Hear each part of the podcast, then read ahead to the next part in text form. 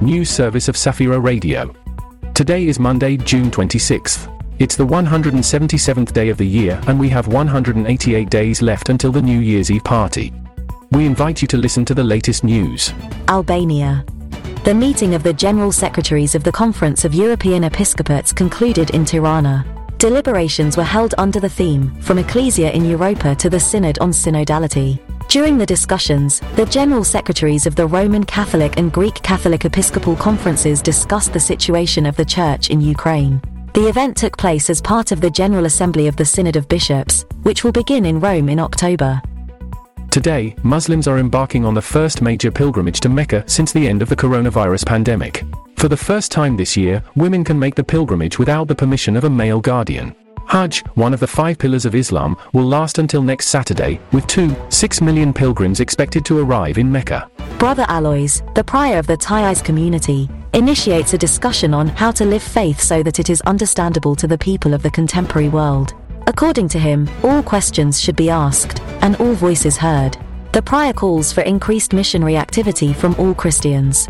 Taizé symbolizes the ecumenical movement and has been a meeting place for young people from all over the world for decades. Catholic schools in the Middle East are grappling with many problems but are striving to maintain a high level of teaching. Such information reached us from a meeting of French speaking educational institutions that took place in Oman. The meeting gathered representatives from 550 institutions, educating 400,000 students of various faiths and religions.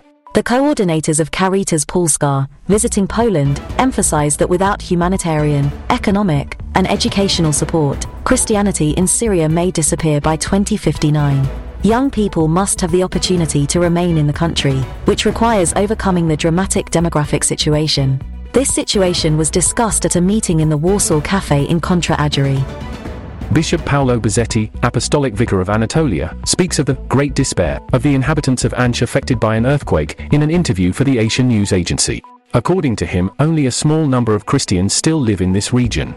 The reconstruction of the devastated Turkey will take many years. Drought in Mexico has revealed an ancient church. As reported by the portal El Tiempo Latino, it is a church from 1564. The object was submerged in 1966 during the construction of a dam, and now, due to drought, it is visible again. Authorities are conducting cleanup work to enable the church to be visited. The incredibly aromatic linden flowers, playing a key role in traditional Slavic medicine, are one of the oldest remedies in our local tradition. Herbalists used linden flowers to produce syrups, honeys, and tinctures essential for treating winter ailments. Slavic medicine, based on observing nature, is experiencing a renaissance among proponents of a healthy lifestyle. Whale researcher Nan Hauser was saved from a shark attack, thanks to a humpback whale.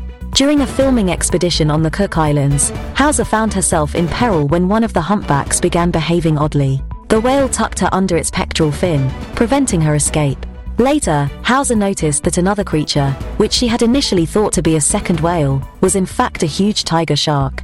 Suddenly, the whale's strange behavior made sense, it was trying to shield her from danger.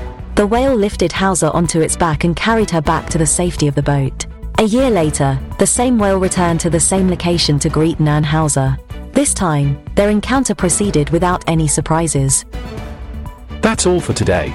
We hope you will listen to the next news service of Safira Radio. Hear from us tomorrow. May God bless us all.